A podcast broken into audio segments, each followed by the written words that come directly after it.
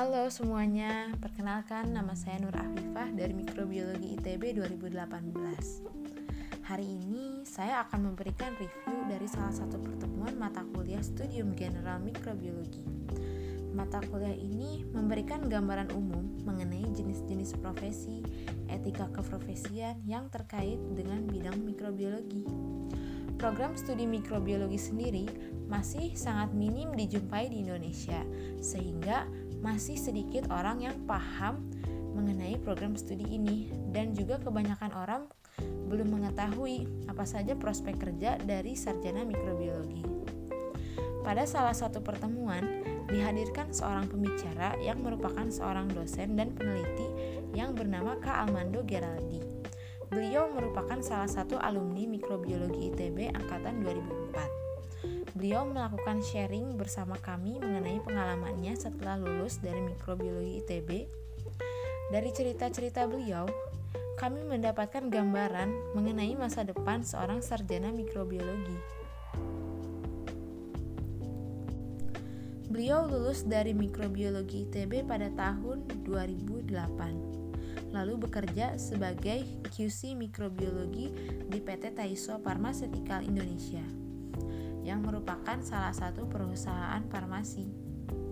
QC merupakan singkatan dari Quality Control yang bertanggung jawab untuk memastikan kualitas operasi sehingga didapatkan produk yang sesuai dengan target. Tugas seorang quality control sangatlah penting antara lain memastikan pengambilan sampel dan pengujian mikrobiologi untuk bahan baku, barang jadi, stabilitas, validasi, proses manufaktur, dan keselamatan kerja agar semua itu dapat bekerja secara baik. Selain itu, fungsi dari QC adalah meminimalkan risiko kontaminasi sehingga dapat dievaluasi secara teratur. Selang beberapa tahun, Beliau kembali melanjutkan pendidikannya di KAIS, yaitu Korean Advanced Institute of Science and Technology, yang merupakan salah satu universitas ternama di Korea Selatan. Beliau di sana melakukan sebuah studi tentang pengaruh molekular chevron dalam pelarutan protein rekombinan pada Escherichia coli. Selain melanjutkan studi, Beliau juga bekerja sebagai research assistant dan terlibat dalam proyek-proyek seperti pengembangan strain bakteri untuk produksi butanol yang efisien dan mengembangkan strategi baru untuk menghasilkan protein rekombinan yang larut dan aktif dalam sistem bakteri. Untuk menjalankan proyek ini tentunya dibutuhkan keahlian dalam bidang biologi sintetis, rekayasa genetika mikroba, dan juga rekayasa metabolisme.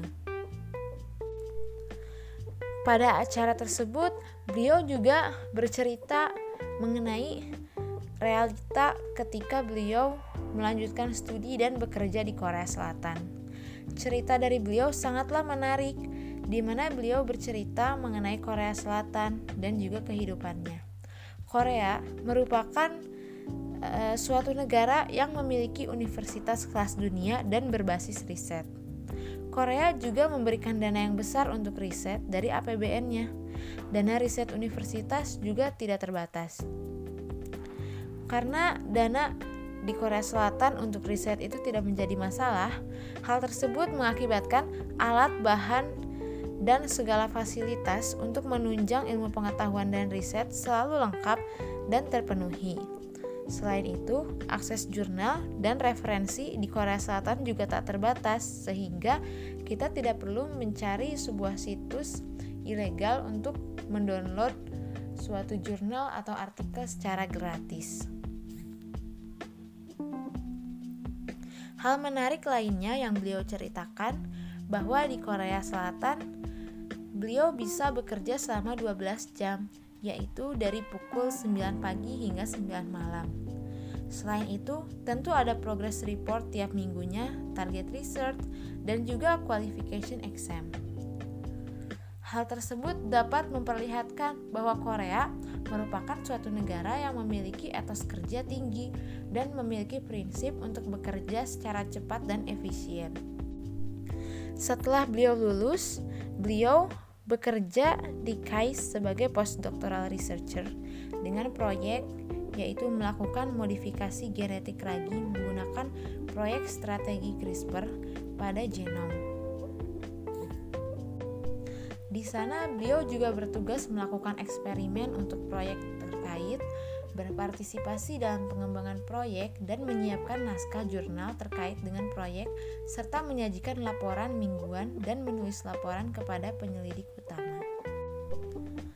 Beliau akhirnya dapat kembali ke Indonesia dan menjadi staf akademik di Universitas Airlangga di Jawa Timur dan berprofesi sebagai dosen dan asisten profesor sejak tahun 2018 hingga sekarang. Di sana beliau kembali melakukan penelitian. Di antaranya penelitian beliau adalah mengenai bioprospectic enzim termostabil dan bakteri termofil penghasil molekul yang bernilai. Serta beliau juga meneliti biotransformasi ginsenosides menggunakan beta-glukosidase isolat bakteri dari Indonesia. Dari pengalaman beliau yang beliau ceritakan, saya dapat mengetahui bahwa dari seorang sarjana mikrobiologi, kita dapat berperan sebagai seorang peneliti atau ilmuwan dalam ilmu yang akan dikembangkan kemudian hari. Selain itu, seorang sarjana mikrobiologi juga dapat berperan sebagai quality control yang tentunya peranannya itu sangatlah penting dalam dunia industri. Selain itu, kita juga dapat berperan sebagai seorang akademisi pada suatu institut atau universitas di Indonesia ataupun di luar negeri.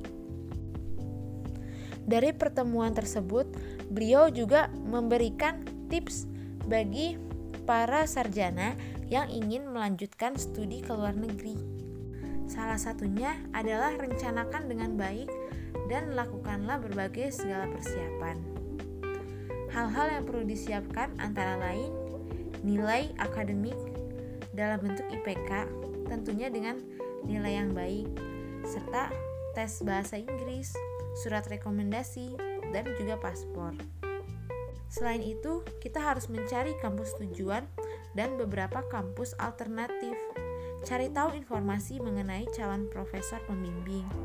Pelajarilah paper dari profesor terkait, serta kita harus menghubungi via email. Agar kita dapat diterima pada suatu universitas di luar negeri, kita harus memahami dan dapat menggunakan bahasa Inggris dengan baik serta kita harus memiliki sifat inisiatif dan mau mencari informasi sendiri dari sumber yang tepat. Serta jangan lupa untuk menghubungi profesor yang dituju dan penuhi syarat pendaftaran. Maka sekian review hari ini. Semangat terus dan sampai jumpa.